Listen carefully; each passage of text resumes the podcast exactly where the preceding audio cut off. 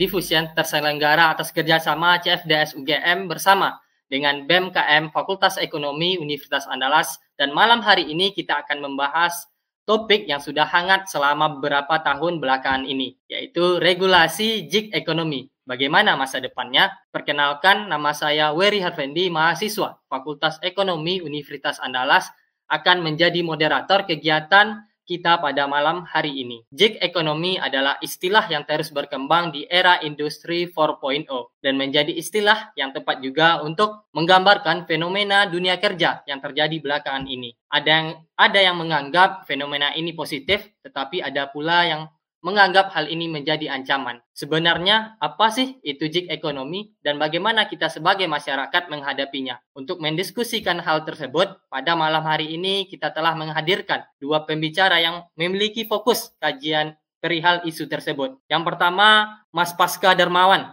selaku manajer Digital Intelligence Lab CFDS UGM, dan Mbak Nabila Rizfa Izati, pengajar Hukum Ketenagakerjaan Fakultas Hukum Universitas Gajah Mada. Untuk itu, langsung saja kita menuju ke pemaparan materi oleh pembicara pertama kita, yaitu Mas Pasca Darmawan, yang uh, akan mengkaji atau membahas terkait jig ekonomi. Untuk itu, silahkan kepada Mas Pasca untuk memaparkan materinya. Silahkan, Mas. Baik, terima kasih. Um, selamat malam semuanya. Um, seperti yang sudah diperkenalkan sebelumnya, saya Josia Pasca Darmawan. Di sini ini saya akan memaparkan salah satu penelitian yang sudah kami lakukan di, dari tim CFDS um, yang berjudul The Myth of Flexibility and Work-Life Balance, Gendered Experiences of Women Online Object Drivers in Indonesia. Jadi di penelitian ini kami fokus kepada pengendara ojek perempuan dan kami melihat bagaimana gig ekonomi ini bisa membawa uh, dampak positif maupun dampak negatif bagi para pekerja perempuan ini. Oke, okay, uh, ini sedikit introduction. Jadi seperti yang sudah dijelaskan juga tadi oleh moderator bahwa gig ekonomi ini menjadi salah satu topik yang sering didiskusikan ya, yang sudah banyak didiskusikan uh, dalam beberapa tahun terakhir. Kita juga bisa melihat ada banyak sekali platform uh, perusahaan companies yang um,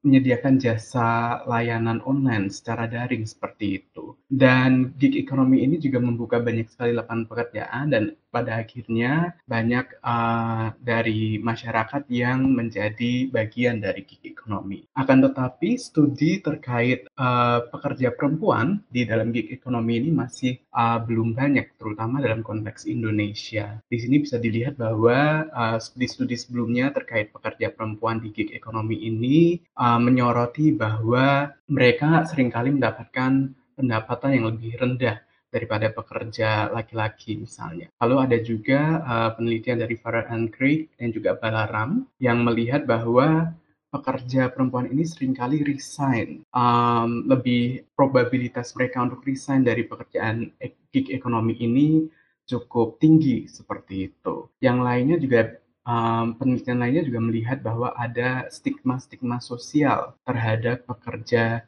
um, gig ekonomi perempuan terutama yang uh, bekerja di bidang ride hailing atau bekerja di bidang um, taksi maupun taksi uh, motor misalnya ataupun taksi uh, roda empat seperti itu. Jadi di sini kita melihat ada gap, knowledge gap terkait um, experience of atau terkait studi yang melihat experience dari pekerja gig perempuan di Indonesia. Nah, di sini ada salah satu hal yang kita soroti, yang kami soroti dalam penelitian kami, bisa dilihat bahwa gig work ini on the surface level gitu dari kalau dilihat secara sekilas mungkin melihat apa terlihat bahwa gig ekonomi ini memiliki banyak promises ya kayak menjanjikan banyak hal terhadap pekerja dan sebagainya, tapi juga ada beberapa masalah yang eksis yang ada di uh, pekerjaan gig ekonomi tersebut, terutama dalam kaitannya dengan gender seperti itu. Nah, ini tujuan riset kami. Jadi kami melihat kira-kira bagaimana sih um, experience atau pengalaman cerita dari uh, pengendara ojek perempuan uh, apabila kita lihat dari sisi uh, benefits gig ekonomi tersebut dan juga apabila kita lihat dari notion of flexibility. Bagaimana um, pekerjaan gig ekonomi ini yang sering kali ditandai oleh fleksibilitas kayak um, bisa kerja kapan pun, bisa mulai kerja kapan pun, selesai kerja kapan pun, nggak punya bos, bisa bebas gitu ya, fleksibel waktunya.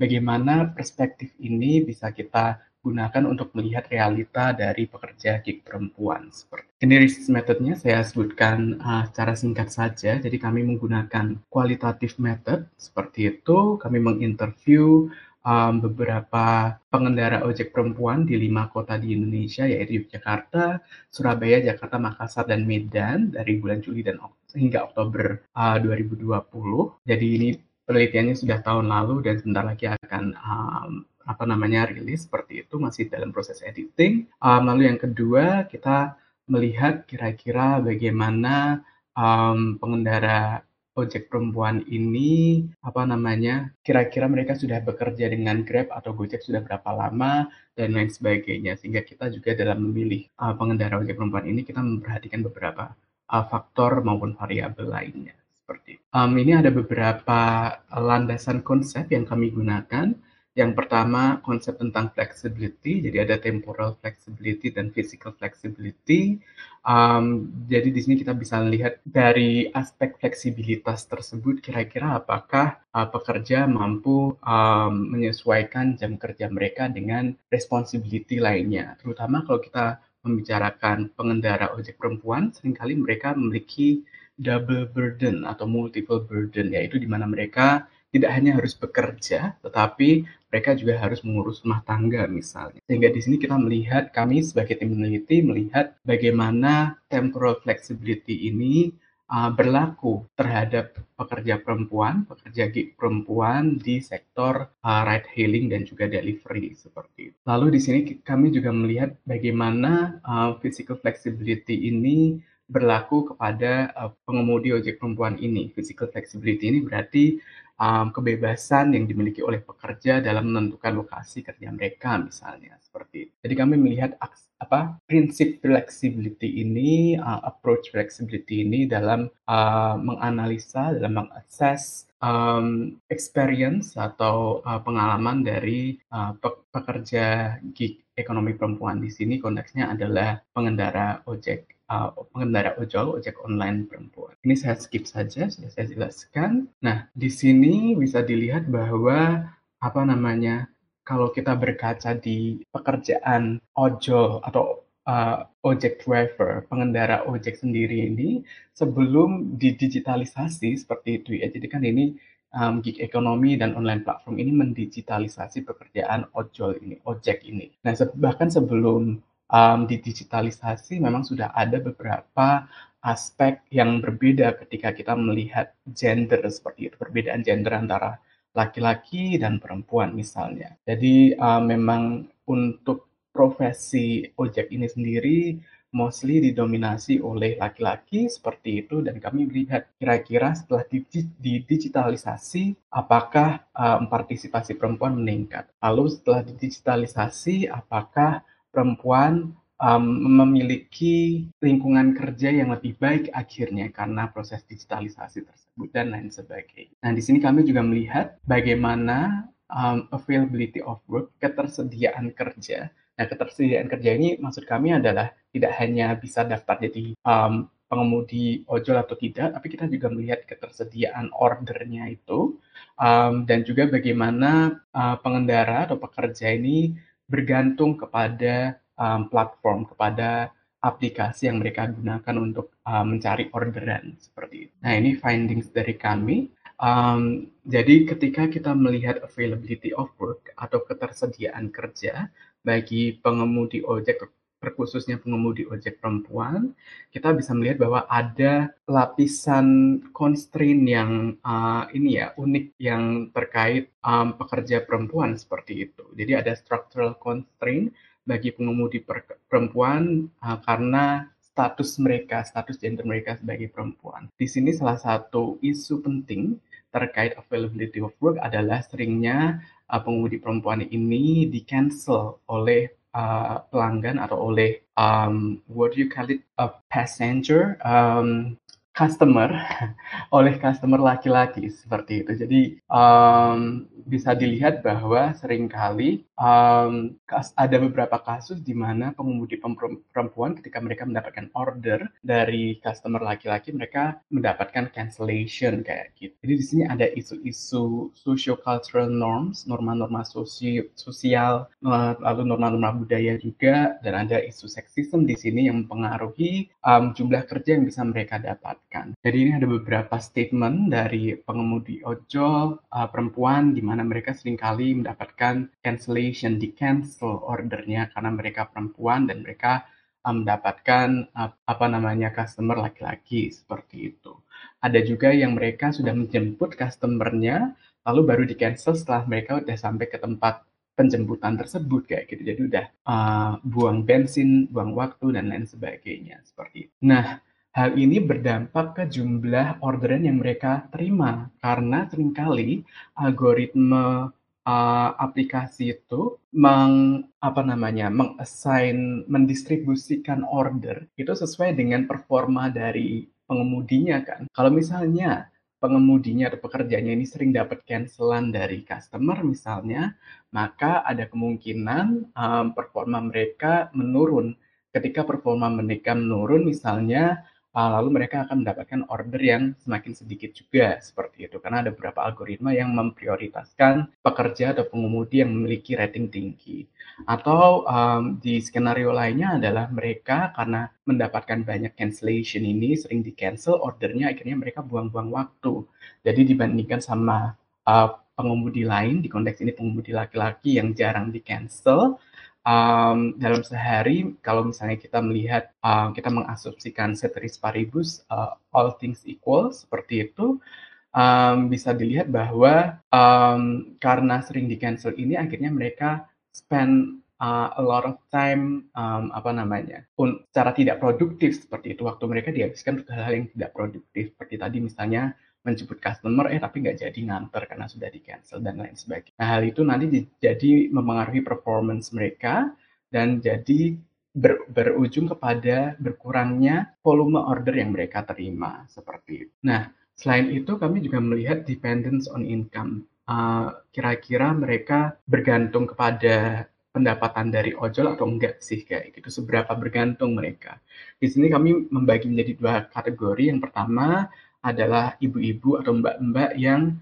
hanya um, mengandalkan um, ojol ini pekerjaan sebagai driver ojol sebagai side income kayak gitu. Nah, untuk pengemudi perempuan yang melihat ojol ini sebagai side income aja, sambilan aja seperti itu, sebenarnya mereka mendapatkan banyak ini ya, mendapatkan banyak benefits dari ojol ini. Karena mereka dari segi finansial ya, mereka tidak terlalu uh, memikirkan uh, mereka harus reach target supaya dapat bonus misalnya mereka harus nyelesain sekian order dan lain sebagainya. Sehingga mereka bisa menikmati fleksibilitas itu to the max seperti itu. Kalau misalnya mereka udah capek ya udah pulang karena mereka nggak harus kerja target misalnya.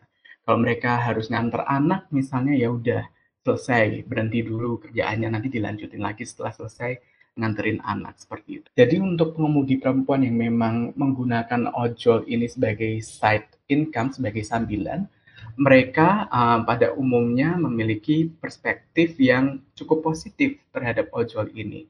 Jadi ini ada beberapa statement, ada ibu-ibu yang merasa bosen di rumah aja kayak gitu. Makanya um, setelah uh, ibunya ini resign keluar dari pekerjaan pabrik, ibunya uh, daftar di ojol karena lebih fleksibel. Kalau nanti mau ngantar anak bisa, mau masak dulu bisa dan lain sebagainya. Dan ibunya ini juga um, kebetulan untuk um, kebutuhan ekonominya sudah dicukupi oleh suami seperti, seperti itu. Jadi uh, ibunya tidak terlalu bergantung kepada pendapatan dari ojol seperti itu. Lalu ini juga ada um, responden yang mengatakan bahwa melalui kerja ojol ini bisa dapat banyak teman seperti itu. Bisa muter-muter, bisa um, ketemu sama customer, bisa ngobrol-ngobrol dan lain sebagainya. Sehingga ini menjadi salah satu sarana wadah bagi ibu-ibu ini untuk bersosialisasi. Nah, akan tetapi apabila ibunya ini mengandalkan atau ibu mbaknya ini mengandalkan pekerjaan ojol ini sebagai main income, maka ada banyak hal yang ini ya, yang mungkin menjadi salah satu downsides-nya atau um, apa namanya challenges kayak gitu, hambatan uh, untuk ibu-ibu ini untuk bisa menikmati pekerjaan hasil pekerjaan dari uh, mengemudikan ojol ini.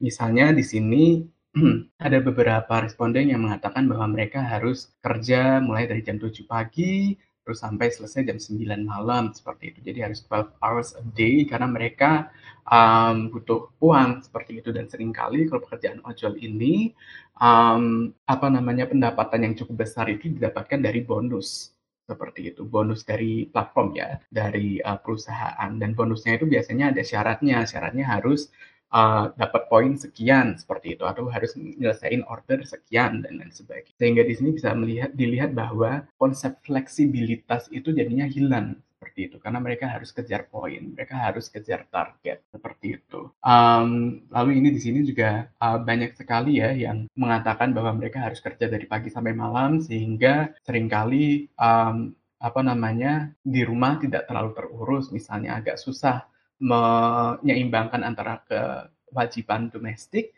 dengan uh, kewajiban uh, sebagai pencari nafkah seperti itu sehingga di sini konsep double burden ini sangat kelihatan buat pengemudi ojol perempuan yang memang menggunakan ojek online ini sebagai main income, sumber pendapatan utama bagi mereka. Nah ini, um, maka dari itu ketika kita melihat work-life balance dalam konteks gig ekonomi ini, flexibility ini mungkin apa ya, tidak selalu stay true seperti itu. Mungkin di beberapa kasus kayak gitu, flexibility ini nggak berlaku sama sekali seperti itu. The promise of flexibility ini nggak nggak berlaku karena at the end of the day mereka sangat bergantung pada income dari um, ojol dan mereka harus memenuhi target atau mereka harus kejar poin sehingga mereka nggak nggak bisa menikmati fleksibilitas yang menjadi salah satu apa ya janji seperti itu ya dari pekerjaan gig ekonomi. Nah ini sedikit um, apa namanya summary seperti itu untuk um, apa namanya structural constraints hambatan yang biasanya dialami oleh pengemudi ojek perempuan ketika kita membicarakan availability of work, ada algoritma dan juga norms and culture. Di sini ketika kita membicarakan tentang dependence on income, ini tergantung mereka menggunakan atau mereka rely on kerjaan gig ekonomi ini, driver ojol ini sebagai main income atau sebagai side income. Conclusionsnya adalah di sini platform sering kali ini ya um, memberi emphasis kayak memberi apa namanya meng-highlight, meng-underline bahwa pekerjaan gig ekonomi ini ada fleksibilitasnya seperti itu. Kayak uh, bisa mulai kapan pun, selesai kapan pun, terserah pekerjaannya seperti itu. Tetapi um, ini case by case. Setelah kami teliti, kami lihat ternyata hal tersebut fleksibilitas ini case by case. Tergantung di kondisi ininya, apa namanya, pekerjanya. Kalau misalnya pekerja tersebut menggunakan pekerjaan gig ekonomi ini atau menggunakan um, apa namanya pekerjaan ojol ini sebagai sumber pendapatan utama, maka fleksibilitas ini um, tidak terlalu berlaku untuk mereka seperti itu. Sehingga di sini um, untuk pengemudi ojek perempuan yang menjadi breadwinner, yang menjadi pencari nafkah utama, dan juga at the same time menjadi ini ya caretaker atau menjadi menjadi uh, pengurus rumah tangga seperti itu mengurus keluarga itu menghadapi beban yang cukup besar seperti itu. Di konsep studi gender ada namanya uh, double burden. Nah di sini konsep double burden ini stays true seperti itu. Konsep double burden ini benar-benar kelihatan di uh, pekerjaan gig ekonomi ini, which is um, sangat disayangkan karena gig ekonomi ini kan kalau misalnya kita baca artikel-artikel gitu ya, salah satu hal yang sering digadang-gadang itu adalah oh bisa kerja fleksibel, bisa disambi ngurus keluarga, bisa macam-macam. Tetapi ternyata hal itu tidak terlalu berlaku seperti itu. At the end of the day, ketika mereka menggunakan pekerjaan gig ekonomi ini untuk sumber pendapatan utama, fleksibilitas itu ternyata tidak berlaku, no longer works. Itu um, riset dari kami dari tim CFDS. Saya akhiri sampai di sini. Saya kembalikan ke moderator. Silahkan. Ini mau sesi tanya jawab sekarang atau nanti di akhir acara? Oke baik.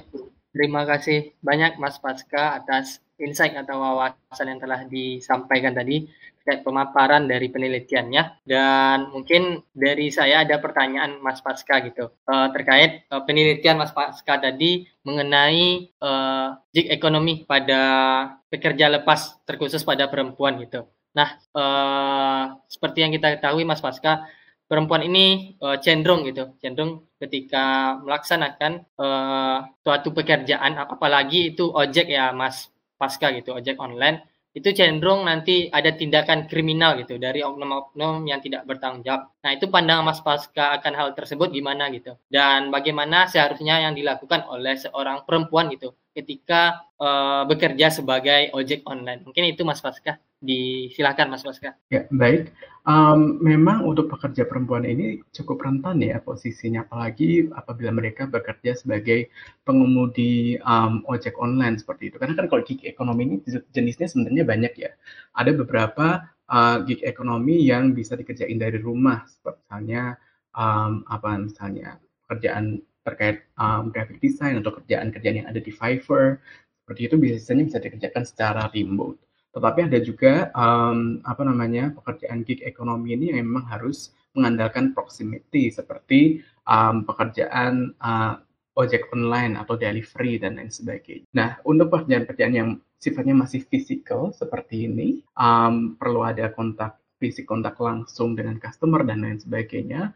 Memang uh, seperti pekerjaan-pekerjaan lainnya, pekerjaan non-gig yang lainnya ada resiko yang cukup besar yang dihadapi oleh perempuan, terutama dari segi keamanan. Nah, um, di sini memang peran um, platform dan juga peran masyarakat pada umumnya sangat penting ya. Dari masyarakat sendiri mungkin perlu di ini ditingkatkan lagi awareness tentang um, apa namanya gender equality misalnya, lalu um, awareness tentang praktek-praktek seksisme yang ada di um, lapangan dan lain sebagainya. Dari platform um, sebenarnya dari interview yang sudah um, saya dan tim CFDS lakukan dengan platform untuk uh, salah satu output riset lainnya, sebenarnya untuk fitur keamanan bagi pengendara perempuan itu sudah cukup ini ya sudah cukup banyak disediakan oleh platform seperti itu. Misalnya sekarang kalau misalnya uh, pengendara atau pekerja ini bekerja sebagai pengendara ojol sudah ada emergency button misalnya. Jadi nanti kalau misalnya udah diklik emergency buttonnya nanti akan ada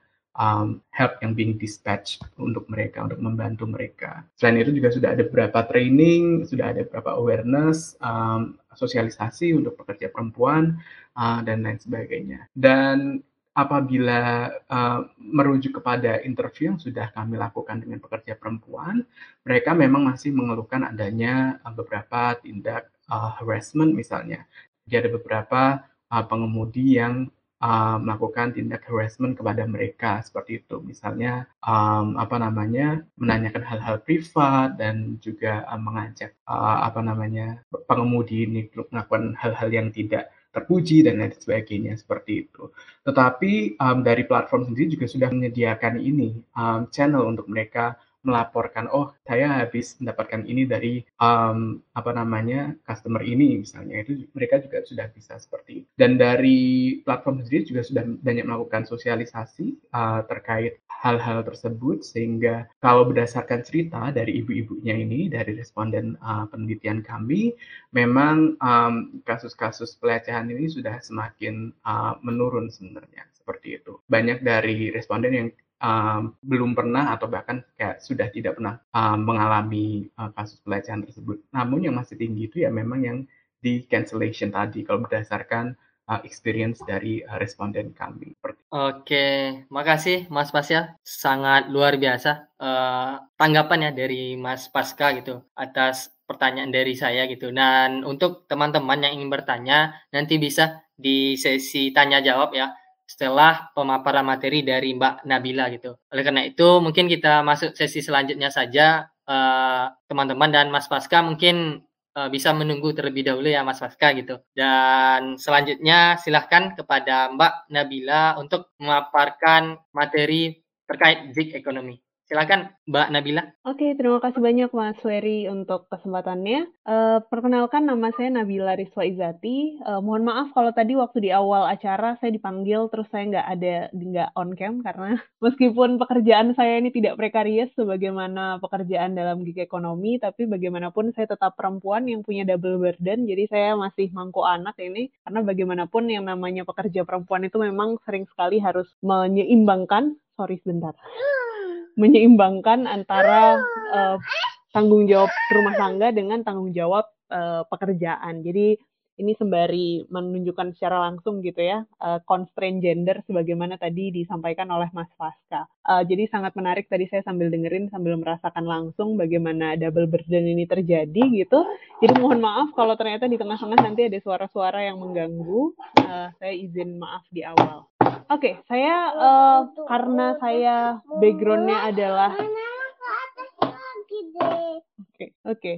Karena background saya adalah uh, hukum ketenaga kerjaan, maka uh, berbeda dengan Mas Pasca yang tadi cerita dalam konteks uh, di lapangan gitu ya, saya akan lebih banyak cerita dalam konsep uh, regulasi. Jadi sebenarnya bagaimana sih uh, regulasi atau hubungan kemitraan dalam uh, dalam pandangan hukum ketenaga kerjaan atau pandangan uh, hu pandangan uh, hukum secara umum? Karena ketika kita berbicara mengenai hubungan kemitraan dalam gig ekonomi maka uh, agak sulit untuk hanya membatasinya dalam kacamata hukum ketenaga kerjaan karena nanti seakan-akan jawabannya hanya menjadi yes or no aja gitu. Kayak oh dia nggak termasuk ke dalam hukum ketenaga kerjaan maka kemudian dia tidak bisa uh, dia tidak bisa kemudian mengakses hak-hak yang ada hak akses yang sehingga dia kemudian tidak bisa masuk ke dalam uh, kotak dalam hukum ketenaga kerjaan. Saya akan share uh, slide saya sendiri. Saya minta izin saya yang share aja karena kalau tidak saya agak bingung nanti biasanya. Meskipun ini tadi sudah disampaikan secara umum begitu ya, kalau misalnya kita berbicara, saya akan fokus berbicara tidak dalam gig ekonominya, tapi dalam konteks hubungan kemitraannya. Karena uh, sekarang ini yang yang banyak menjadi diskusi gitu ketika kita membicarakan mengenai posisi dari uh, pekerja dalam gig ekonomi itu seperti apa. Karena kemudian uh, sekedar mengatakan bahwa mereka ini sebenarnya pekerja atau bukan dalam kacamata hukum ketenaga kerjaan saja banyak menjadi diskursus. Karena memang uh, mereka sering seringnya tidak di, tidak dipandang atau tidak dipanggil sebagai pekerja oleh platform, oleh platform-platform gig ekonomi, tapi mereka lebih sering kemudian disebut sebagai mitra. Teman-teman sendiri di sini pasti uh, cukup familiar dengan istilah mitra dalam uh, ketika kita memanggil driver, ketika Gojek memanggil drivernya, Grab memanggil drivernya, atau uh, platform-platform gig ekonomi lain memanggil pekerja-pekerja uh, yang orang-orang yang bekerja kepada mereka. Jadi memang istilah mitra atau istilah hubungan kemitraan itu merupakan sebuah istilah yang frankly speaking dipopulerkan oleh di Indonesia dipopulerkan oleh uh, platform besar gig pertama di Indonesia yaitu Gojek yang kemudian uh, menjadi force yang diguna menjadi sebuah default yang digunakan oleh platform-platform gig ekonomi yang lain. Sebagaimana uh, Grab lah atau misalnya ada Antar Aja, Shopee uh, apa dan berbagai platform yang lain mereka kemudian uh, defaultnya adalah memanggil hubungan mereka sebagai menyebut hubungan mereka sebagai hubungan kemitraan dan kemudian menggunakan istilah mitra bagi orang yang bekerja bagi mereka. Ini bukan hal yang unik sebenarnya karena dengan istilah-istilah yang berbeda di di um, di bahasa-bahasa yang berbeda uh, itu pun yang terjadi di berbagai penjuru dunia gitu ya. Jadi kayak Uber itu juga tidak mau menyebut drivernya sebagai pekerja, mereka menyebutnya dengan istilah partner. Mereka ada yang kemudian um, apa menyebut Amazon Turk gitu menyebut uh, pekerjanya sebagai Turker, kemudian um, apa Deliveroo mem memanggilnya sebagai rider dan lain sebagainya. Uh, intinya semua istilah itu digunakan yang penting tidak menggunakan istilah worker atau istilah pekerja. Kenapa seperti itu? Karena memang menggunakan istilah pekerja itu nanti akan berimplikasi pada menggunakan istilah hubungan kerja dalam hubungan mereka. Dan dalam konteks gig ekonomi ini memang cenderung dihindari. Kenapa dia cenderung dihindari? Karena uh, uh, gig ekonomi ini memang dari awal berkembang uh, dari sebuah legal loophole dari definisi hubungan kerja sendiri. Jadi kalau kita uh, dalam kacamata hukum ketenaga kerjaan, kita melihat definisi hubungan kerja di Undang-Undang 13 2003, maka kita akan melihat bahwa definisi hubungan kerja dalam Undang-Undang ketenaga kerjaan tersebut sangatlah konvensional. Salah satu bukti bahwa mereka konvensional adalah unsur-unsur yang harus dipenuhi dalam uh, untuk agar suatu pekerjaan itu disebut sebagai uh, hubungan kerja itu harus ada unsur pekerjaan, upah dan perintah yang mana oleh platform-platform gig dia dijadikan sebagai celah. Karena mereka berdalih bahwa mereka itu tidak memberikan upah secara langsung, yang memberikan upah adalah uh, konsumen karena mereka di situ hanya perantara. Mereka juga tidak memberikan perintah secara langsung. Karena yang memberikan perintah bukan mereka, tapi pilihannya yang memberikan perintah adalah antara konsumen atau algoritma. Jadi bukan perusahaan, bukan saya sebagai perusahaan esin Gojek, esin Grab, esin Antar Aja, esin Maxim, bukan saya yang memberikan perintah kepada uh, si pekerja-pekerja itu. Sehingga kemudian hubungan tersebut tidak bisa memenuhi uh, unsur yang yang diminta oleh hubungan kerja agar suatu hubungan itu dikatakan sebagai hubungan kerja sehingga dia menjadi sebuah hal yang um, terlihat sui generis, terlihat berbeda dalam konteks uh, definisi. Hal ini juga dilatar belakangi oleh uh, perubahan bentuk uh, relasi kerja sendiri. Jadi ada perubahan bentuk relasi kerja yang mana uh, ada perubahan tren yang dulunya relasi kerja itu cenderung panjang dan permanen uh, sekarang relasi kerja di masa sekarang itu kecenderungannya adalah pendek dan uh, non permanen. Ini bisa terlihat dari pekerjaan-pekerjaan yang jenisnya kontrak yang sekarang justru dalam sebuah titik ekstrim tertentu di, dilakukan oleh gig ekonomi dengan pekerjaan yang relasinya sangat singkat, bisa menit bahkan bisa detik gitu ya, bisa menit berubah gitu antara satu satu pekerjaan dengan pekerjaan lain. Nah, perubahan bentuk relasi kerja ini tadi tidak terakomodir oleh hukum ketenaga kerjaan tidak hanya di Indonesia tapi hampir di seluruh dunia. Nah, inilah yang kemudian um, i, uh, loophole inilah yang kemudian ditangkap oleh platform-platform gig gitu ya. Platform-platform gig kemudian menangkap ini sebagai uh, peluang gitu. Oh, berarti ada nih sebuah cawan yang bisa kita masuki dengan tidak menggunakan istilah hubungan kerja dengan kita mendefense bahwa inilah yang kemudian perubahan relasi kerja ini tidak terakomodir oleh hukum ketenaga kerjaan yang akhirnya ditangkap sebagai peluang oleh platform eh, platform-platform gig itu sendiri. Lalu apa sih sebenarnya hubungan kemitraan itu kalau kita melihat dari kacamata regulasi Indonesia? Jadi memang uh, belakangan ini hubungan kemitraan ini menjadi semakin populer. Jadi yang tadinya hubungan kemitraan itu hanya untuk mengkategorikan hubungan-hubungan yang memang jelas-jelas bukan hubungan kerja, jadi dia memang jelas-jelas tidak bisa memenuhi unsur upah dan perintah meskipun tentu saja ini debatable karena uh, ini kayak ini adalah sesuatu yang baru gitu ya yang yang tidak yang tidak bisa uh, dimasuki karena legal loophole ini makin besar gitu ya. Jadi legal loophole ini semakin besar yang tadinya memang hubungan-hubungan hanya benar-benar hubungan yang tidak bisa memenuhi unsur kerjaan atau unsur perintah atau upah yang bisa dikategorikan sebagai hubungan kemitraan, sekarang dia malah jadi makin ke mana-mana. Contohnya misalnya beberapa minggu yang lalu ketika rame, uh, ketika rame ada viral uh, Shopee gitu ya, kurir Shopee yang yang ternyata hubungannya adalah hubungan kemitraan, padahal sebenarnya jelas-jelas dia ada hubungan uh, diberikan upah oleh pemberi kerjanya. Dalam hal ini si Shopee Express, kemudian dia juga diberikan perintah langsung, tapi tetap saja kemudian hubungan ini dianggap sebagai di, dikategorikan sebagai hubungan kemitraan. Kenapa ini bisa terjadi? Karena tidak ada upaya pengawasan, nggak ada mekanisme kontrol, nggak ada mekanisme dari uh, kontrol dari negara untuk bisa uh, me memasuki uh, ruang hubungan kemitraan ini tadi sehingga ini menjadi sebuah uh, sebuah cawan kosong yang semakin lama semakin besar. Nah, ILO kemudian melihat ini dan mengkategorikan hubungan kemitraan uh, sebagai salah satu jenis non-standard employment relationship yang dikategorikan sebagai disguised employment relation atau dependent self-employment. Jadi uh, ini adalah sebuah uh, hubungan non-standar, sebuah hubungan hubungan yang sebenarnya adalah hubungan kerja tapi sedemikian rupa dibuat agar dia tidak dianggap sebagai uh, hubungan kerja gitu. Dia di, di, dia disebut sebagai uh, bentuk yang berbeda dan lain sebagainya. Uh, yang yang akhirnya semakin populer karena memang perantara teknologi ini membuat batas antara apakah seseorang itu pekerja atau bukan atau dia itu majikan atau bukan itu menjadi buram gitu dia uh, platform geek ini jadi punya leverage karena seakan-akan mereka yang menentukan uh, menentukan cara mainnya itu semua mereka. Dan kita dalam hal ini pembuat regulasi bahkan para scholar pun kemudian uh, yang ikut dengan apa yang mereka katakan. Karena yang bikin yang bikin arena mainnya mereka. Mereka yang kemudian menciptakan sistem baru ini tadi yang akhirnya membuat legal loophole menjadi bola liar karena nggak jelas peraturan mana yang digunakan atau instansi mana yang harus bertanggung jawab. Nah, e, pertanyaan selanjutnya kemudian yang pasti sering ditanyakan adalah kalau misalnya ke saya, kalau misalnya seperti itu berarti sebenarnya hukum apa, e, hukum mana sih mbak yang bisa kita gunakan untuk mengatur hubungan kemitraan? Kalau ditanyakan pertanyaan ini, ada dua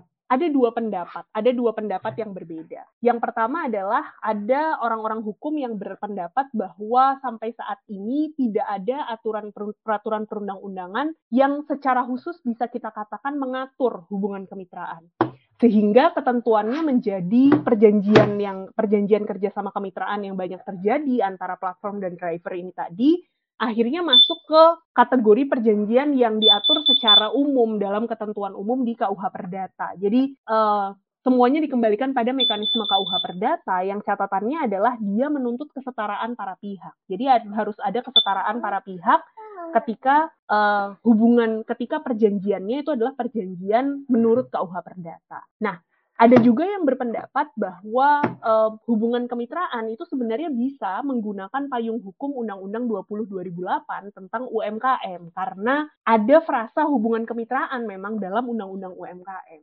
Kalau saya sendiri, saya cenderung di pendapat yang pertama karena saya beranggap, saya uh, personal opinion saya, saya beranggapan bahwa original intent dari hubungan kemitraan di Undang-Undang UMKM itu kurang tepat dikontekstualisasikan dengan hubungan kemitraan yang sekarang terjadi antara pekerja dengan platform. Sehingga uh, saya termasuk orang yang yang lebih sepakat dengan pandangan bahwa ya memang belum ada sampai saat ini ketentuan hukum Indonesia baik itu hukum ketenaga kerjaan maupun hukum di luar hukum ketenaga kerjaan yang bisa digunakan untuk mengatur hubungan kemitraan.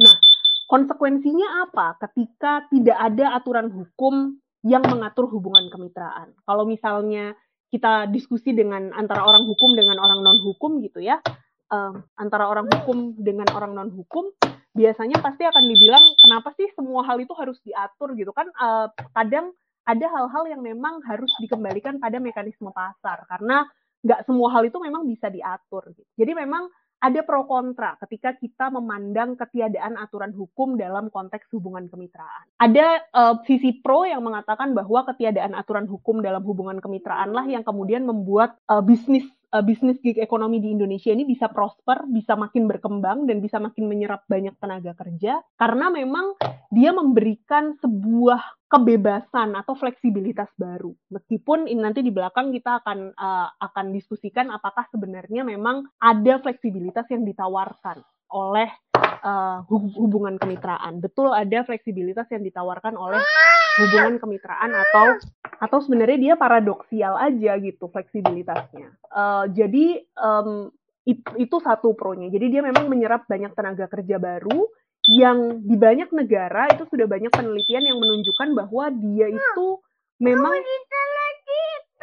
punya kecenderungan untuk menyerap uh, angkatan kerja yang sulit untuk masuk pasar kerja tradisional. Contohnya misalnya di banyak negara seperti di UK, seperti di Amerika misalnya dia banyak menyerap imigran, dia banyak menyerap uh, angkatan kerja yang sulit untuk masuk ke hubungan kerja yang tradisional. Jadi bagus dong dia bisa menciptakan sebuah lapangan kerja baru. Di satu sisi iya, tapi kemudian di sisi lain ada hal-hal kontra dari ketiadaan aturan hukum. Contohnya misalnya uh, hal ini menyebabkan ketiadaan jaminan sosial ketika kita uh, berbicara mengenai uh, kondisi kerja atau jaminan-jaminan yang didapatkan oleh orang-orang yang berada dalam hubungan kemitraan ini. Nggak ada jaminan sosial, nggak ada jaminan upah, relasi hukumnya, uh, relasinya ternyata tidak tetap tidak seimbang, sebagaimana tadi sudah dimention juga oleh Pasca gitu ya. Tapi mereka nggak memiliki perlindungan hukum sama sekali. Berbeda dengan hubungan kerja yang udah jelas-jelas subordinate kan. Mereka memang kita ada dalam hubungan kerja itu ada subordinasi, tapi setidaknya subordinasi tersebut dibayar oleh adanya perlindungan hukum. Nah, dalam hubungan kemitraan ini tadi relasinya tetap tidak seimbang, tapi nggak ada nggak dibayar dengan perlindungan hukum, sehingga ada ada sebuah kerentanan yang semakin besar. Prekariasiti pekerja dalam hubungan kemitraan itu justru jauh lebih tinggi dibandingkan orang-orang yang berada dalam hubungan kerja, bahkan orang-orang yang berada dalam hubungan kerja informal sekalipun. Jadi nggak ada job security, nggak ada sustainability, dan uh, yang paling penting adalah adanya ilusi dari fleksibilitas itu sendiri yang tadi uh, mendebat orang yang mengatakan bahwa uh, pro-nya dari ketiadaan aturan hukum adalah dia me me membuat adanya fleksibilitas. Karena kenapa dia dikatakan sebagai ilusi fleksibilitas? Karena um, ada paradox of flexibility. Ini adalah sebuah istilah yang saya uh, saya ambil dari uh, Jeremy Russell gitu ya. Dia membuat dia membuat uh, buku tentang gig ekonomi judulnya Human as Service yang saya sangat sepakat dengan dengan istilah paradox of flexibility dan human of service yang dia gunakan karena dia kemudian memberikan berbagai contoh yang membuat orang menanyakan kembali, betul nggak sih bahwa orang-orang yang berada dalam hubungan kemitraan itu benar-benar bebas? Karena mereka mengatakan ini hubungan kemitraan, yang namanya mitra kan harusnya setara, tapi yang uh, terlihat bahwa pengemudi nggak punya suara sama sekali dalam kemitraan. Perusahaan mengatur semua hal yang terkait dengan pekerjaan yang didapatkan oleh pengemudi, mulai dari bagaimana cara dia mendapatkan order, gimana cara mendapatkan bonus, gimana penalti, perjanjian itu diubah-ubah itu hanya sepihak oleh perusahaan, itu semuanya sepihak. Jadi ketatnya kontrol perusahaan terhadap pola hubungan dalam gig ekonomi ini tadi menyebabkan hubungan ini sebenarnya nggak jauh beda dengan hubungan kerja yang sifatnya subordinat. Jadi fakta inilah yang kemudian mendorong banyaknya banyak negara itu akhirnya mendorong adanya litigasi terhadap reklasifikasi hubungan gig work ini tadi menjadi sebuah hubungan kerja.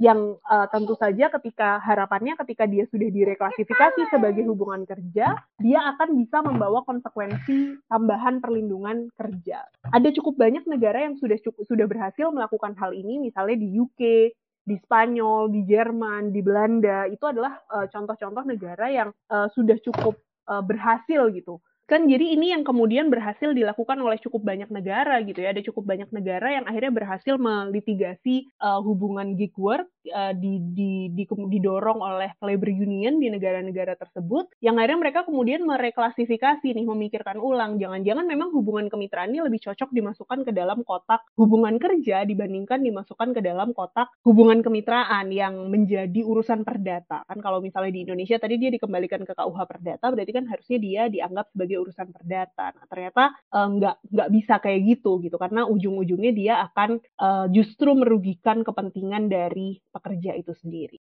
Nah, uh, saya akan mengakhiri paparan saya ini dengan pertanyaan yang sebenarnya membuka pertanyaan yang sebenarnya bisa kita diskusikan bersama. Apa yang seharusnya bisa kita lakukan ke depan ketika kita melihat fakta-fakta ini? Kalau dari saya sendiri, saya melihat bahwa setidak-tidaknya ada tiga, tiga sisi yang harus kita pertimbangkan di sini. Yang pertama, dari pekerja sendiri, tentu saja kondisi yang prekarius ini seharusnya bisa mendorong pekerja untuk bisa um, untuk lebih serius melakukan kolektif bargaining, misalnya dengan melakukan sekarang sudah banyak dilakukan misalnya mogok-mogok massal yang dilakukan oleh pekerja berserikat, uh, mendorong perundingan bersama dengan platform itu menurut saya adalah hal yang penting untuk dilakukan dari masyarakat, dari kita-kita sendiri semua juga perlu untuk uh, lebih banyak advokasi yang dilakukan untuk memahamkan bagaimana sistem bekerja. Karena tentu saja aplikasi gig ini kan uh, sangat menguntungkan ya bagi bagi bagi konsumen gitu ya. Ini kan sangat memanjakan konsumen. Dulu zaman saya masih uh, di Jogja juga uh, saya GoFood mungkin minimal seminggu bisa 3 sampai 5 kali kali ya gitu karena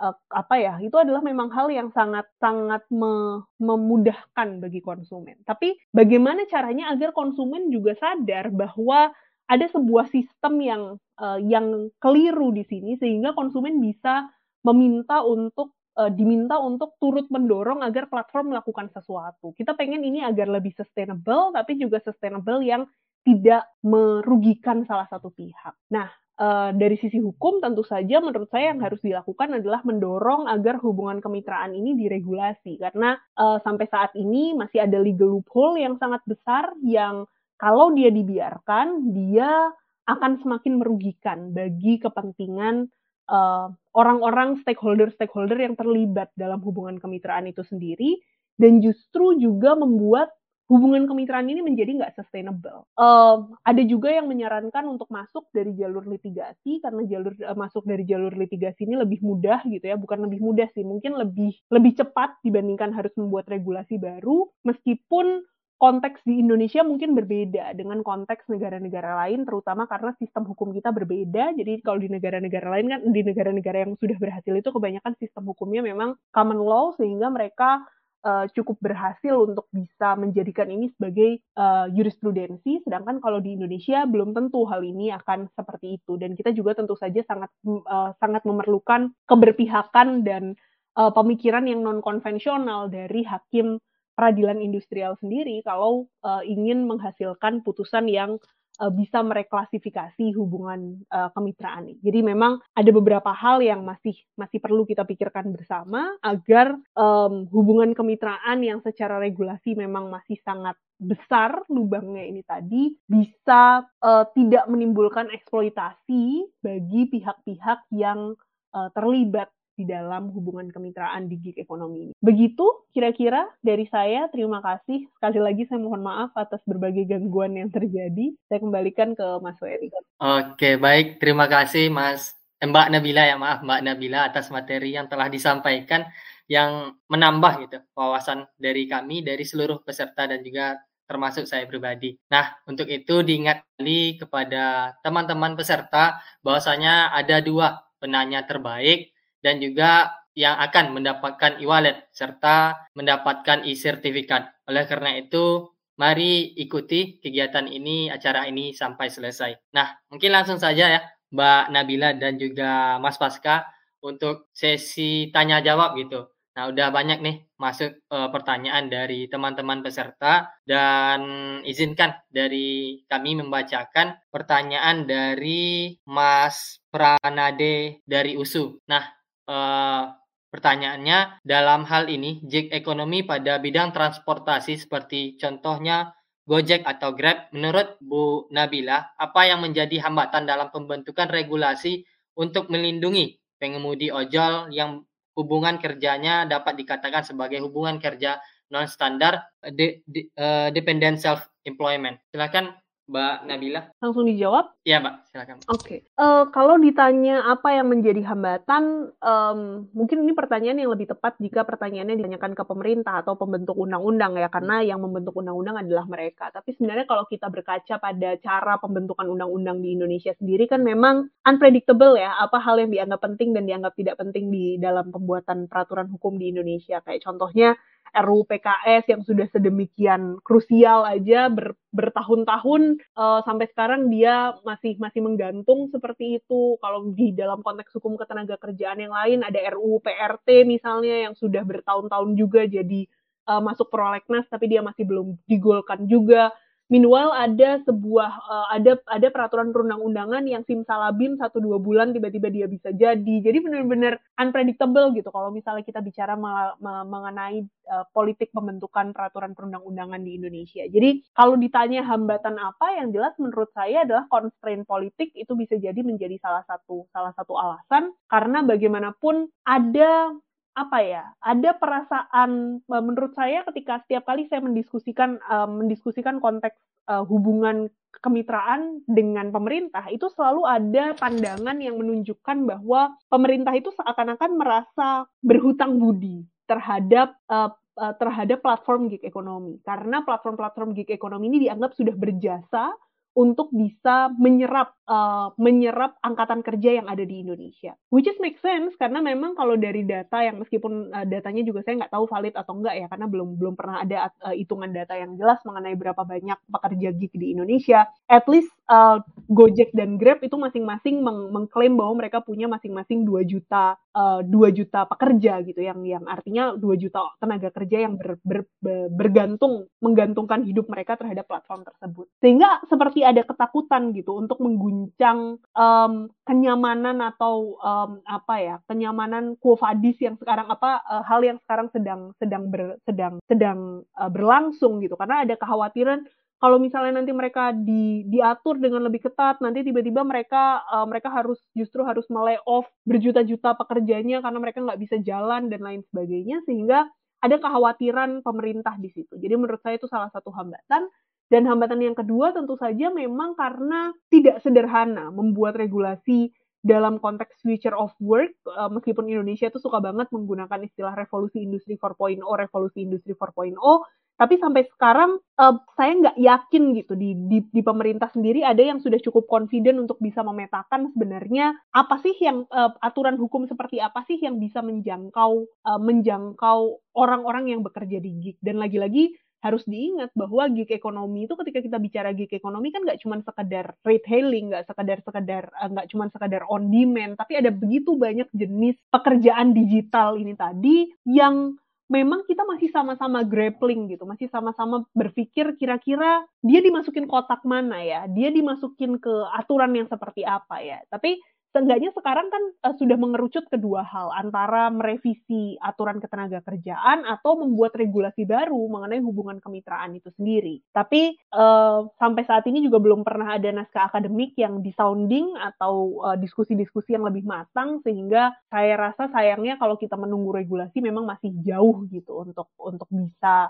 uh, mendapatkan regulasi yang uh, yang bisa menjawab permasalahan-permasalahan yang sekarang ada. Gitu Mas Wery kira-kira. Oke, baik Baik, terima kasih Mbak Nabila atas pandangan gitu dan uh, opininya uh, yang mana mudah-mudahan menjawab pertanyaan dari Mas Pranade. Nah, untuk itu uh, nggak afdol rasanya hanya untuk Mbak Nabila ya. Kita juga mau menanyakan gitu pandangan atau opini dari Mas Pasca Silakan Mas Pasca uh, pandangannya terhadap pertanyaan dari Perana, Mas Pranade tadi, Mas. Sepertinya semua sebenarnya sudah dijelaskan sama Mbak Nabila ya, sudah di wrap up gitu semuanya.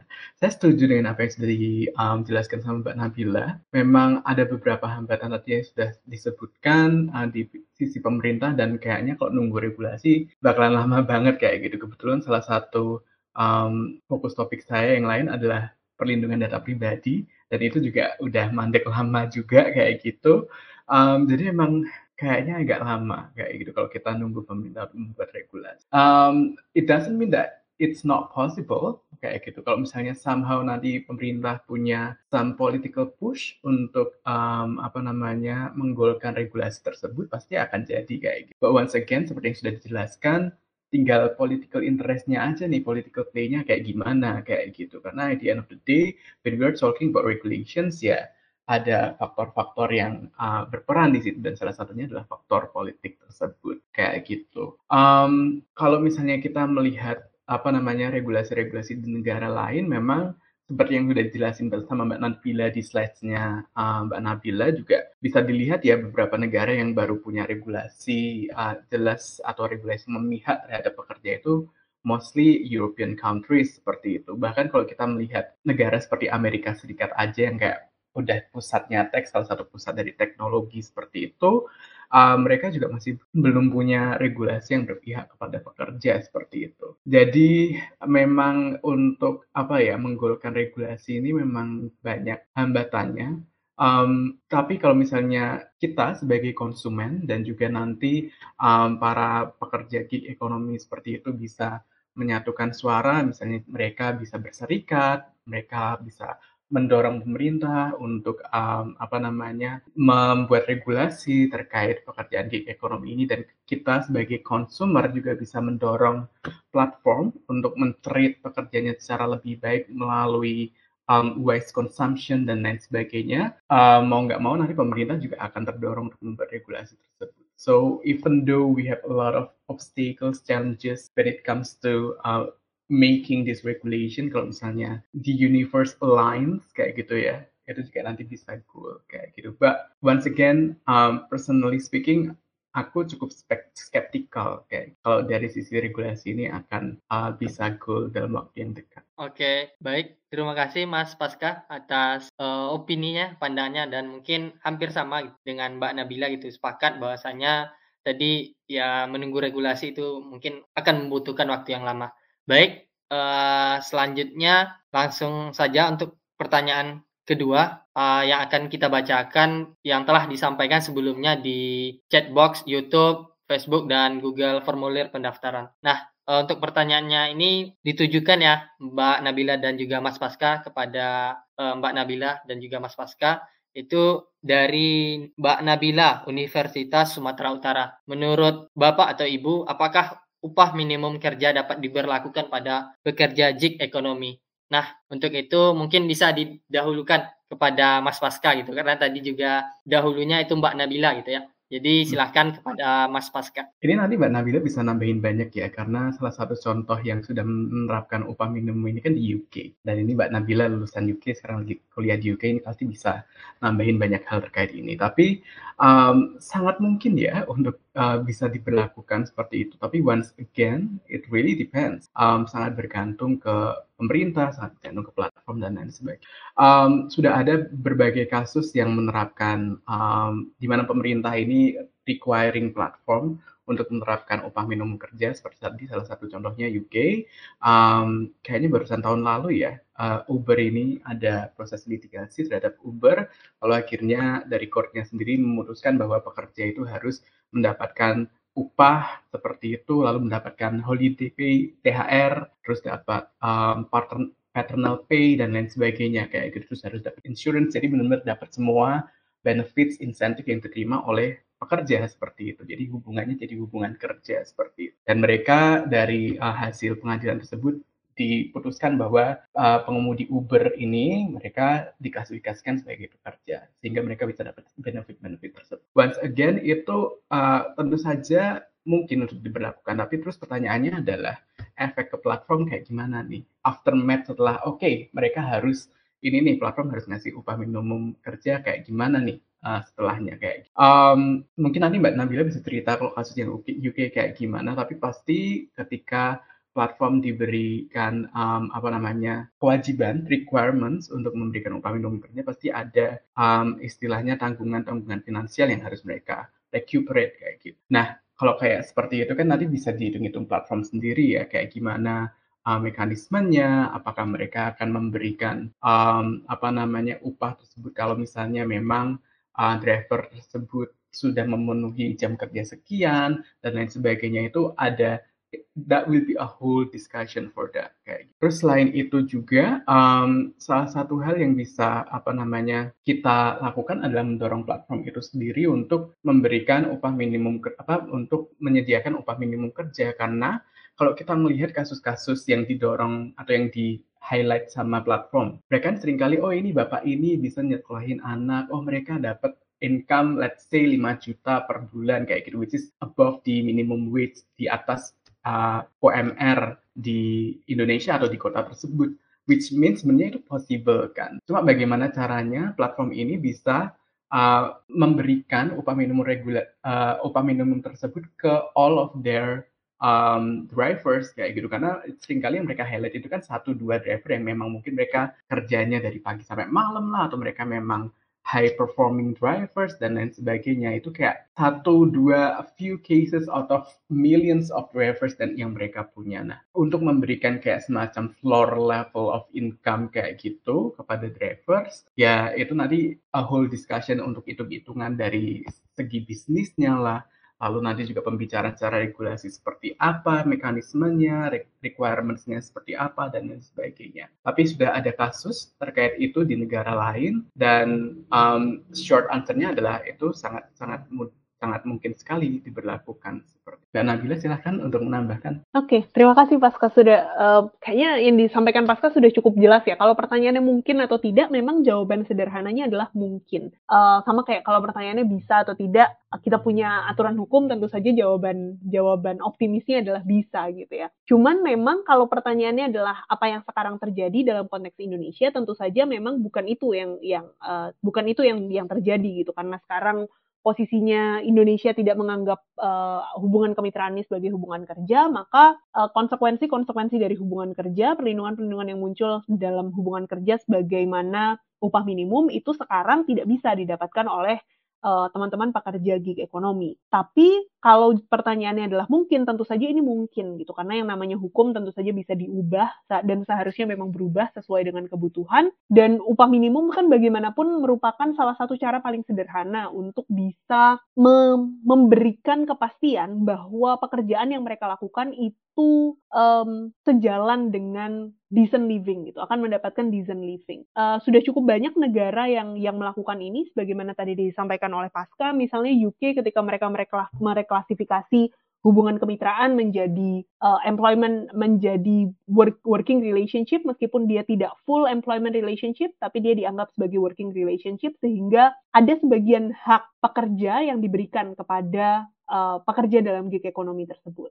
Salah satu hak yang diberikan adalah hak upah karena hak upah merupakan salah satu hal yang dianggap paling fundamental. Jadi bahwa ada beberapa hal lain yang tidak diberikan, misalnya hak uh, holiday pay misalnya atau hal-hal lain itu mungkin nggak fully sebagaimana kalau kita memang employed under employment relationship, tapi setidaknya hal-hal hal-hal sangat krusial dan hal-hal sangat fundamental sebagaimana uh, hak untuk mendapatkan upah minimum, hak untuk mendapatkan decent living itu um, menjadi hal yang memang uh, penting untuk diberikan kepada orang-orang yang bekerja kepada uh, dalam gig ekonomi. Jadi uh, me mengulang yang tadi disampaikan oleh Pasca, uh, kalau pertanyaannya bisa atau tidak, apakah mungkin atau tidak, maka jawabannya mungkin. Tapi apakah sekarang upah minimum itu diberlakukan bagi pekerja gig ekonomi? Jawabannya tentu saja tidak kalau di Indonesia, karena uh, memang tidak ada kewajiban gitu secara hukum uh, untuk um, menggunakan atau untuk memberikan upah minimum kepada para pekerja di gig ekonomi. Itulah kenapa kalau misalnya pas lagi ada perubahan tarif dan lain sebagainya, mereka bisa langsung kelimpungan gitu karena uh, hal tersebut sangat berpengaruh terhadap uh, pemasukan mereka sehari-hari. Dan salah satu hal yang uh, yang penting gitu ya ketika kita membicarakan dalam konteks uh, pekerjaan gig ekonomi di Indonesia adalah pekerjaan gig di Indonesia itu kan majority memang menjadi main income. Um, itu yang kadang-kadang menjadi pembenar gitu bagi para orang-orang yang membuat gig ekonomi di awal-awal para pembuat platform itu mereka mengatakan bahwa well gig ekonomi itu kan dari awal memang tidak dibuat untuk menjadi main income. Dia seharusnya kan menjadi hasil aja gitu, menjadi uh, tambahan sehingga ya memang nggak haruslah kita ngasih upah uh, sebagaimana upah minimum karena kan dia harusnya hanya menjadi upah tambahan. Tapi kan yang terjadi di lapangan tidak seperti itu. Yang terjadi di lapangan adalah uh, pekerjaan ini menjadi pekerjaan utama sehingga uh, semua penghidupan para pekerja itu yang digantungkan terhadap pekerjaan ini. Inilah kemudian poin di mana uh, fleksibilitas menjadi sebuah paradoks. Karena mereka mengatakan bisa kerja kapan aja tapi ternyata untuk mendapatkan uh, gaji yang layak untuk mendapatkan uang yang uang yang cukup untuk ngasih makan uh, dia dan keluarganya gitu pekerja dan keluarganya setiap bulannya ternyata tetap harus kerja dari jam 7 pagi sampai jam 9 malam misalnya. Berarti kan justru jauh lebih panjang dibandingkan jam kerja pekerjaan yang normal. Jadi eh, hal-hal uh, itu yang yang kemudian menjadi penting ketika kita mendiskusikan uh, isu gig ekonomi sendiri. Gitu? Oke, terima kasih banyak Mas Pasca dan juga Mbak Nabila atas tanggapannya dari pertanyaan Mbak Nabila Universitas Sumatera Utara. Dan mudah-mudahan tanggapan dari Mbak Nabila dan juga Mas Pasca bisa terjawab uh, dan juga tersampaikan kepada Mbak Nabila dari Universitas Sumatera Utara. Oke, baik. Selanjutnya ke pertanyaan ketiga dari Mas Mirsadul Ulum dari Universitas Islam Negeri Sunan Kalijaga. Izin bertanya, sistem JIK ekonomi menurut saya semakin langgang dengan adanya ini sepertinya hasil culture ya Mbak dan juga Mas. Uh, nah, bagaimana cara penyadaran yang kiranya ideal terhadap pihak yang terbawa oleh hasil culture tersebut bahwa ada laten di balik dunia kerja jik ekonomi yang ditekuni. Lalu bagaimana peran masyarakat grassroots dalam mengawal terciptanya regulasi pengamanan prakerja yang ideal di dunia jik ekonomi. Nah, untuk pertanyaan ini tetap dijawab oleh kedua pembicara, Mas Pasca dan juga Mbak Nabila. Dan untuk yang terlebih dahulu, silahkan kepada Mbak Nabila. Silahkan Mbak. Oke, kalau penyadaran tuh kelihatannya kok kayak kita kayak mau rukyah gitu ya. Uh, apa ya, kalau kita bicara mengenai bagaimana cara menumbuhkan perasaan bahwa oke, okay, there's something wrong gitu, uh, pemikiran bahwa there's something wrong itu kan memang proses ya, memang sebuah proses. Bahkan um, saya tiga tahun lalu ketika tiga atau empat tahun lalu ketika diajak ngobrol tentang gig ekonomi, mungkin uh, berbeda pandangannya dengan pandangan saya sekarang ketika diajak berbicara mengenai uh, gig ekonomi. Jadi uh, memang ada sebuah proses yang harus dilalui untuk ada solidaritas bersama yang dirasakan oleh pekerja ketika uh, mau merasa untuk bisa merasa bahwa oke okay, kayaknya ada sesuatu yang salah deh, kayaknya ada sesuatu yang harus kita tuntut bersama deh untuk perbaikan uh, sistem kerja kita. Sehingga memang yang harus dilakukan adalah advokasi, advokasi dari luar maupun advokasi dari dalam gitu, advokasi dari sesama pekerja sendiri ataupun advokasi dari luar dari masyarakat, dari uh, dari misalnya dari lembaga-lembaga dari um, dari peneliti misalnya penelitian-penelitian yang dilakukan itu menjadi penting gitu karena uh, sering kali kan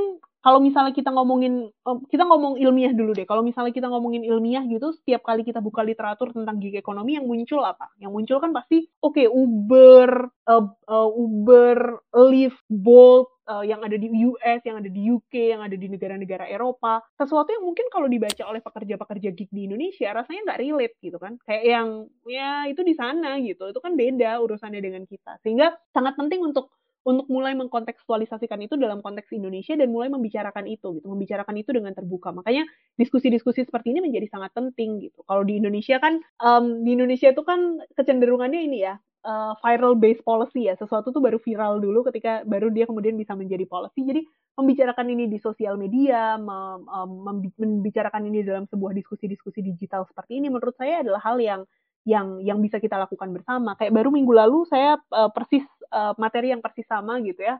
Tema yang persis sama ada diskusi bareng LBH Jakarta tentang isu ini juga dan di situ mendatangkan beberapa teman-teman teman-teman driver dan saya yang justru merasa sangat terenlighten dari diskusi tersebut karena oh saya jadi uh, kita jadi jadi dua arah gitu loh. Oh mungkin pemahaman saya oh ternyata pemahaman mereka terhadap ini tuh seperti itu gitu. Oh ternyata ada hal yang sudah mereka uh, yang pemahaman kita dalam memandang ini sama tapi ternyata ada juga yang dipandang berbeda. Jadi memang diskusi dua arah dialog-dialog antara antara driver dengan uh, dengan universitas dengan lembaga-lembaga seperti CFDS dengan masyarakat secara umum untuk mendiskusikan isu ini menurut saya uh, adalah langkah yang yang bisa kita lakukan bersama untuk bisa mulai quote unquote menyadarkan itu tadi ya kalau kayaknya there's something wrong deh gitu. Jadi uh, penting sih untuk bisa melakukan itu karena lagi-lagi setiap kali saya bicara tentang gig ekonomi aja saya selalu di, uh, saya dulu di awal-awal selalu disclaimer gitu. Sampai sekarang kayaknya saya memang selalu disclaimer, saya selalu bilang bahwa saya ngomong ini dari kacamata dari bias saya ya karena setiap orang kan pasti punya bias masing-masing. Bias saya adalah bias hukum ketenaga kerjaan. Menurut saya ini keliru menurut menurut hukum ketenaga kerjaan. Kalau misalnya ada teman-teman uh, pekerja atau uh, pekerja gig ekonomi yang kemudian merasa bahwa enggak kok kami nggak ngerasa kayak gitu. Menurut kami kami happy dengan itu ya ya let it be gitu. Karena itu berarti adalah perspektif yang berbeda aja gitu. Cuman um, seiring berjalannya waktu kan pasti akan ada sebuah fakta-fakta komunal yang bisa kita sepakati bersama. Dan saya rasa uh, hari-hari ini mulai ada fakta-fakta komunal yang kita sepakati gitu. Bahwa oh bahwa harusnya kesetaraan itu nggak boleh ada satu pihak yang yang yang yang bikin aturan sendiri misalnya bahwa uh, sekarang ada penurunan pendapatan yang membuat orang nggak nggak punya penghidupan yang layak. Bahwa kayaknya uh, antara driver dengan dengan uh, dengan kebutuhan konsumen itu sekarang udah udah jomplang sehingga uh, pemasukan driver menjadi jauh berkurang. Itu adalah hal-hal yang sekarang mulai jadi fakta komunal yang kita sepakati dan menurut saya itu adalah titik balik gitu untuk kita uh, bisa mulai mendiskusikan ini dengan lebih serius lagi. Kita kira-kira kita harus harus ngapain nih? Karena kayak at the end of the day suara pekerja itu suara uh, bukan pekerja eh, bukan ya suara working class kayak kita tuh kalau cuma satu tuh nggak kedengeran. Harus harus bareng-bareng supaya itu bisa bisa bisa kedengeran, bisa didengar itu harus bareng-bareng. Jadi memang harus ada kesadaran komunal itu itu dari saya. Mudah-mudahan menjawab Mas Mirsa. Ya baik, terima kasih Mbak Nabila atas tanggapannya. Yang mana itu pertanyaan dari Mas Mirsa Dul ya. Dan selanjutnya silahkan kepada Mas Pasca untuk menanggapi pertanyaan dari Mas Mirsa Dul Ulum. Disilakan Mas. Ya, untuk menambahkan penjelasan dari Mbak Nabila tadi, um, saya pikir ini ya, pekerja itu pun juga sudah sadar tentang um, apa ya, negatif impact um, dampak negatif yang uh, mereka rasakan dari hasil culture ini, mereka juga sudah banyak yang mengeluhkan jam kerja panjang, lalu susahnya untuk menghidupi keluarga mereka, mereka harus um, apa namanya kejar target, kejar poin dan lain sebagainya. Mereka sebenarnya sudah aware dengan hasil culture ini ya kalau kita nyebutnya dengan jam kerja panjang dan kondisi kerja yang kurang um, baik untuk mereka seperti itu. But the question is sering kali meskipun mereka sudah melakukan banyak sekali advokasi, tapi mereka juga memiliki ketakutan seperti itu. Dari beberapa um, diskusi kami dengan para pekerja, misalnya ada beberapa yang takut mereka nanti mendapatkan sanksi dari platform apabila mereka ikutan demo atau mereka ikutan mogok kerja atau mereka uh, speak up terhadap um, kondisi kerja yang mereka um, miliki sekarang seperti itu ada beberapa lagi yang um, concernnya di concern finansial seperti itu. Kalau saya misalnya ikutan um, mogok kerja sehari, saya kehilangan pendapatan sehari kayak gitu. Padahal saya kerja tiap hari aja udah mepet kayak gitu. Nah ini kan ada beberapa concern-concern lain yang akhirnya meskipun mereka sebenarnya ingin mengadvokasi diri mereka, mereka ingin menyuarakan uh, concern mereka, tapi akhirnya mereka terbatas seperti itu karena adanya kondisi yang menghambat uh, partisipasi mereka dalam speaking up seperti itu. And this is where our roles become important kayak gitu. Um, apa namanya peran kita semua sebagai konsumen, peran kita sebagai akademisi, mahasiswa, peneliti, dan lain sebagainya jadi sangat penting untuk bring up this issue, untuk uh, empower these workers seperti itu, untuk semakin uh, menggemakan concern-concern yang dimiliki oleh um, para pekerja ini. Tadi seperti yang disebutkan sama Mbak Nabila, kalau misalnya nanti ada um, apa namanya opportunity untuk berdiskusi dengan pekerja lewat um, acara-acara diskusi online dan lain sebagainya itu sangat uh, enlightening sekali. Seperti itu mendengarkan opini mereka kira-kira concern mereka apa aja sih? Kondisi di lapangan itu seperti apa sih? Pengalaman mereka dealing dengan platform itu kayak gimana sih? Itu jadi bisa ini ya apa namanya mengedukasi kita juga sebagai konsumen seperti itu. Nah ini um, apa namanya lanjut ke pertanyaan B-nya dari uh, Mas Mirsadul Ulum ini.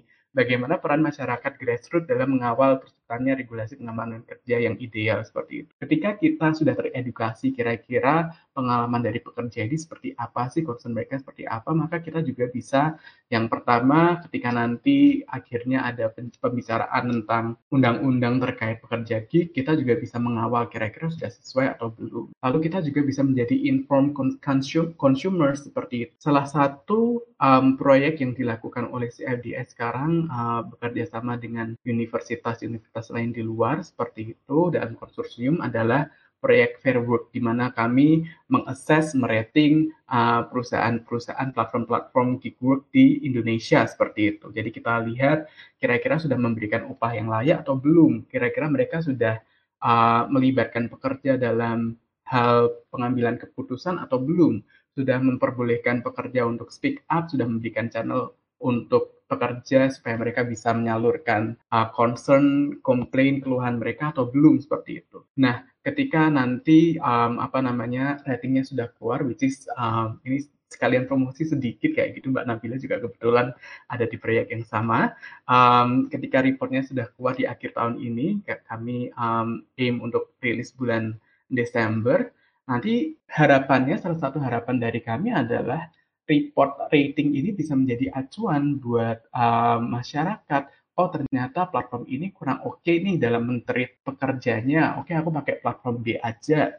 Oh platform A ternyata oke okay banget nih. Ya udah aku meskipun agak mahal misalnya platform A tapi mereka lebih responsibel. Mereka ngetrit pekerjanya lebih baik, memberikan kesejahteraan untuk pekerjanya. Jadi aku pakai platform A aja kayak gitu. Jadi ini ada informed decision ya untuk konsumen kayak gitu. Kira-kira mereka mau pakai platform yang mana? Karena itu once again um, platform atau businesses uh, perusahaan nggak akan bisa sustain kalau mereka nggak punya konsumen kayak gitu. Jadi kita juga punya andil ya di situ, punya power untuk mempengaruhi um, apa namanya kebijakan dari pemerintah maupun kebijakan dari platform seperti. Jadi kalau misalnya kita bisa raising or awareness tentang topik ini dan kita bisa menjadi konsumen maupun menjadi masyarakat yang inform, maka kita bisa membantu um, terciptanya regulasi pengamanan pekerja yang ideal di Indonesia. Oke, baik. Terima kasih Mbak Nabila dan juga Mas Pasca atas tanggapannya dari pertanyaan Mas Mirsadul Ulum. Semoga apa yang disampaikan tadi mudah-mudahan menjawab pertanyaan dari Mas Mirsadul Ulum. Nah, mungkin ini pertanyaan terakhir Mbak Nabila dan juga Mas Pasca dari Mas Bambang dari UPY. Nah, pertanyaannya apakah serikat buruh non formal menjadi sesuatu yang krusial untuk dibentuk pada model gig ekonomi ini? Nah, untuk itu silahkan terlebih dahulu kepada Mas Pasca untuk menjawab pertanyaan dari Mas Bambang. Silakan Mas Pasca. Serikat um, buruh mau bentuknya formal ataupun non formal itu penting ya, krusial untuk dibentuk. Tapi memang kalau misalnya serikat buruhnya itu sifatnya formal seperti itu, ada um, legal backingnya tentu saja lebih powerful seperti itu untuk mendorong pemerintah maupun mendorong stakeholder untuk um, apa namanya mengconsider concerns dari mereka seperti itu. Um, kalau ditanya krusial atau tidak, tentu saja krusial ya, karena kalau mereka sudah berserikat, seperti yang tadi sudah disebutin sama Nabila juga, kalau mereka sudah menyatukan suara, terus akhirnya mereka um, berusaha mendorong regulasi yang lebih baik terkait gig ekonomi ini, mendorong polisi yang lebih baik terkait gig ekonomi ini ya, pasti powernya akan lebih besar dibandingkan uh, apa namanya satu orang dua orang yang bicara sendiri kayak gitu makanya itu perlu dibentuk serikat perlu adanya um, agregasi suara untuk mendorong pemerintah, mendorong stakeholder, uh, sorry, mendorong platform untuk membuat regulasi yang berpihak kepada pekerja. Um, itu jawaban dari saya sih, meskipun mungkin kalau misalnya yang non formal, kalau yang kita berkaca di kondisi di Indonesia ya, memang kurang ini ya, kurang aktif mengadvokasikan suara pekerja.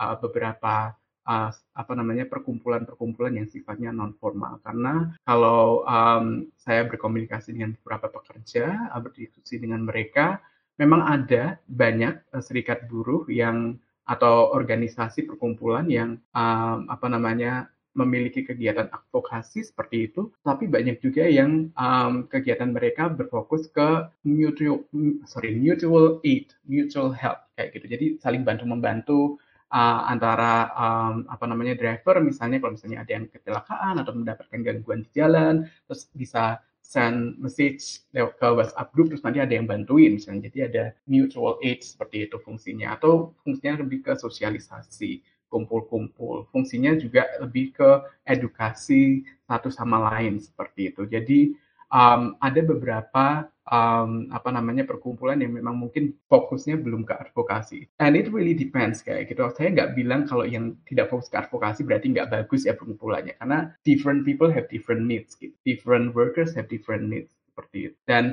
menurut saya dua jenis perkumpulan yang satu misalnya fokus ke advokasi, yang satunya fokus lebih ke internal, gimana caranya membantu driver satu sama lain, sosial apa namanya networking dan lain sebagainya itu komplement satu sama lain seperti itu.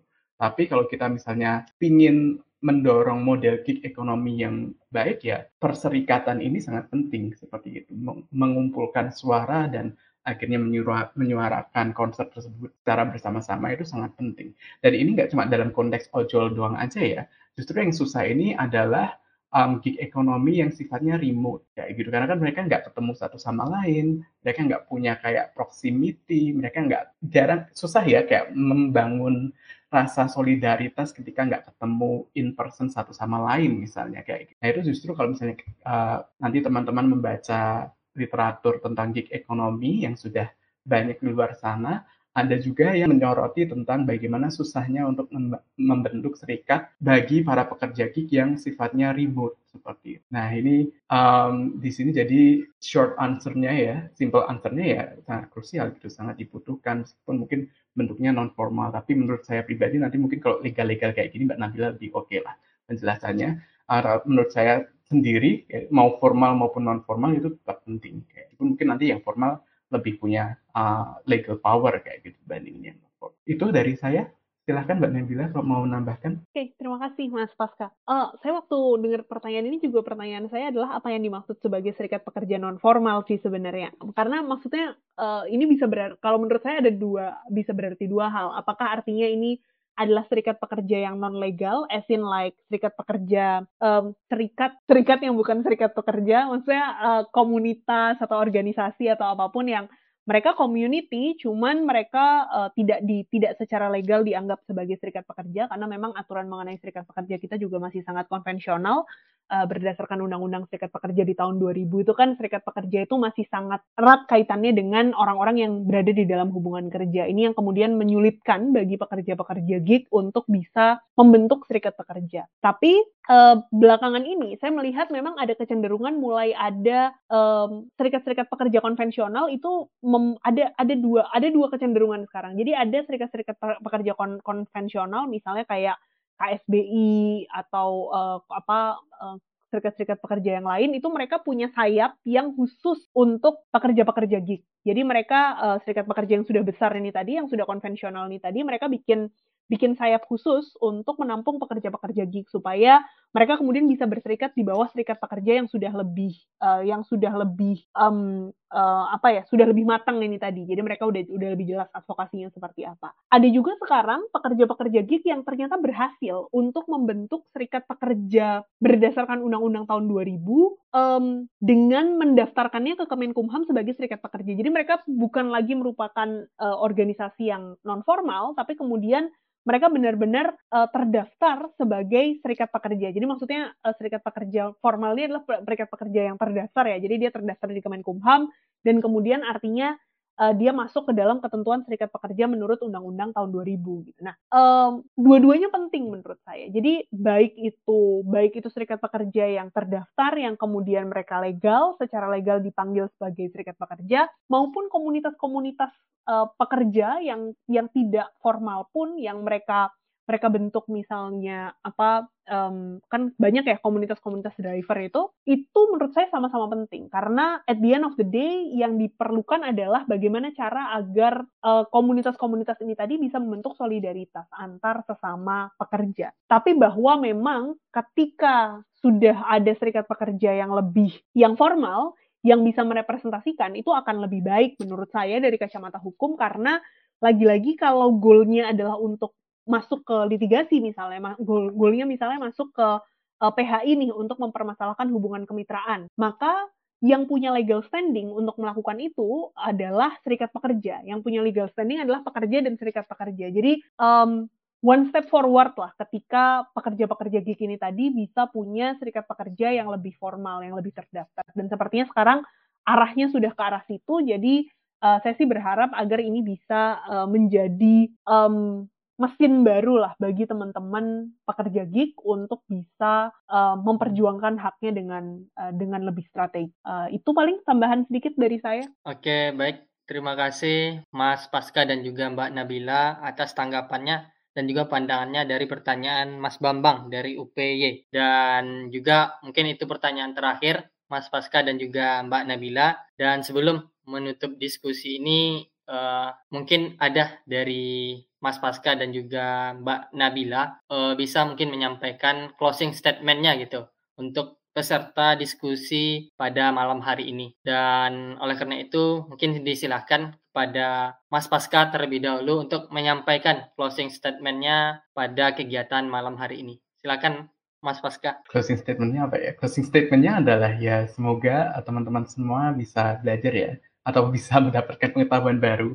kok belajar pengetahuan baru terkait um, gig work dan kondisi um, gig work di Indonesia seperti itu. Yang sudah kami jelaskan um, bahwa masih belum ideal ya kondisi kerja bagi para pekerja gig di Indonesia ini. Dan masih banyak sekali hal yang masih bisa diimprove oleh platform oleh pemerintah dari sisi regulasi misalnya um, untuk membentuk lingkungan kerja atau kondisi kerja yang memang memadai seperti itu untuk um, pekerja gig. Dan the very least that we can do hal yang paling nggak bisa kita lakukan sebagai um, masyarakat adalah yang mengedukasi diri kita sendiri um, dan selain itu juga kita bisa mulai um, consuming wisely seperti itu. Karena sering kali masyarakat itu masyarakat tuh mikir kayak kita bisa apa ya? Kayak aku kan cuma masyarakat doang kayak gitu. Konsumen user doang nih. Nah, gimana ya caranya aku bisa apa namanya membantu pekerja gig beberapa orang yang punya concern di bidang um, apa namanya ketenaga kerjaan dan uh, welfare. Mungkin mereka pikir kayak apa? What what can we do? kayak gitu. Dan sebenarnya banyak sekali yang bisa kita lakukan. Misalnya kita bisa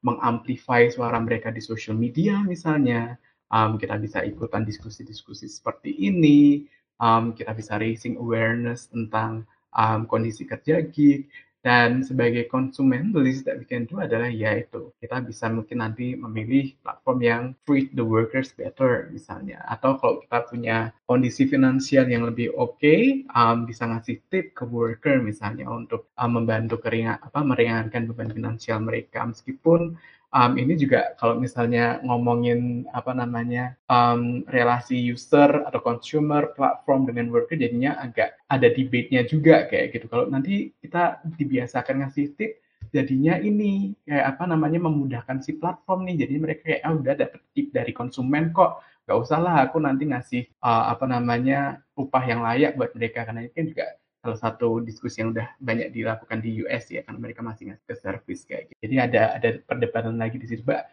we can do a lot of things. That's my point. Um, kita bisa melakukan banyak hal untuk um, raising awareness dan untuk membantu pekerja gig seperti itu. Um, untuk belajar atau untuk mengikuti diskusi dan raising awareness di sosial media itu sudah, I believe itu hal yang bisa kita lakukan untuk mendorong um, pemerintah dan platform untuk menciptakan kondisi yang lebih baik. Itu sedikit dari saya agak panjang sih tapi. Oke baik Mas Pasca terima kasih atas closing statementnya dan selanjutnya silakan kepada Mbak Nabila. Oke, okay, kalau closing statement dari saya sih mungkin karena sebagian besar dari kita di sini saya kira adalah uh, konsumen dari platform uh, gig sendiri ya. Jadi diskusi-diskusi um, seperti ini mudah-mudahan bisa dijadikan sebagai awalan bagi kita untuk bisa lebih kritis terhadap uh, sistem gig itu sendiri. Karena meskipun dari kacamata konsumen platform-platform gig ini sangat membantu, tapi bisa jadi kemudian dari sisi yang berbeda dia ada kemungkinan untuk bisa menjadi eksploitatif terhadap uh, pekerjanya. Jadi uh, kita perlu untuk bisa mendorong bersama agar uh, platform gig ini bisa uh, memperlakukan pekerjanya dengan baik karena masa sih kita mau gitu ya terlibat dalam sebuah uh, sebuah sistem yang uh, justru mendisregard uh, hak-hak dasar dari seseorang gitu. Jadi jangan sampai kemudian kemudahan yang kita dapatkan itu berakibat buruk bagi uh, orang yang berada di di sisi lain gitu. Karena pekerja-pekerja gig ini tadi kan um, kadang kita melihat bahwa oh yang memberikan kemudahan itu adalah platform. Tapi yang kadang kita sering lupa adalah platform ini nggak akan bisa berjalan tanpa pekerja. Jadi at the end of the day yang membuat hidup kita menjadi lebih nyaman itu pekerjanya gitu. Jadi uh, jangan sampai kemudian kita lupa bahwa pekerja ini bukan komoditas, dia adalah manusia juga yang kemudian uh, perlu untuk bisa uh, mendapatkan hak-haknya yang uh, dalam melakukan pekerjaan yang sudah sangat banyak membantu kita tadi. Jadi karena mereka providing service, jadi uh, ya um, agar kita juga bisa bersikap lebih baik juga sih dalam dalam sistem ini. Itu mungkin dari saya. Oke, baik. Terima kasih Mbak Nabila atas closing statementnya. Pada malam malam hari ini diskusi kita sangat menarik dan juga uh, menambah cakrawala kita terkait gig ekonomi. Dan pada saat ini kita juga sudah sampai uh, hampir ya berada di ujung acara dan tentu sekali lagi terima kasih banyak kepada kedua pembicara yang sangat luar biasa kepada Mbak Nabila dan juga Mas Pasca ya, dari diskusi malam hari ini.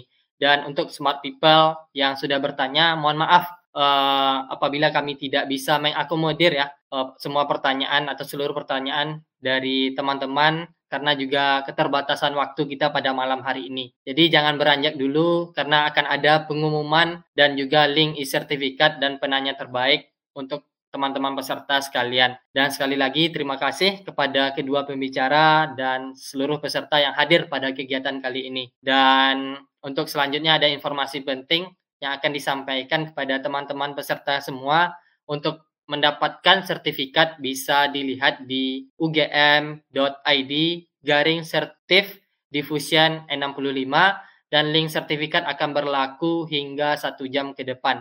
Jadi pastikan smart people segera mengisi ya. Dan selanjutnya untuk eh, teman-teman uh, yang selalu ingin update perihal dunia digital, jangan lupa kunjungi web cfds.visipol.ugm.ac.id dan beberapa sosial media dari kami yang bisa teman-teman akses dari web juga ya. Untuk kegiatan diskusi malam hari ini, jikalau ada perbuatan yang salah dan kata-kata yang tidak pada tempatnya, oleh karena itu terima kasih atas perhatian dan kami pamit undur diri. Assalamualaikum warahmatullahi wabarakatuh.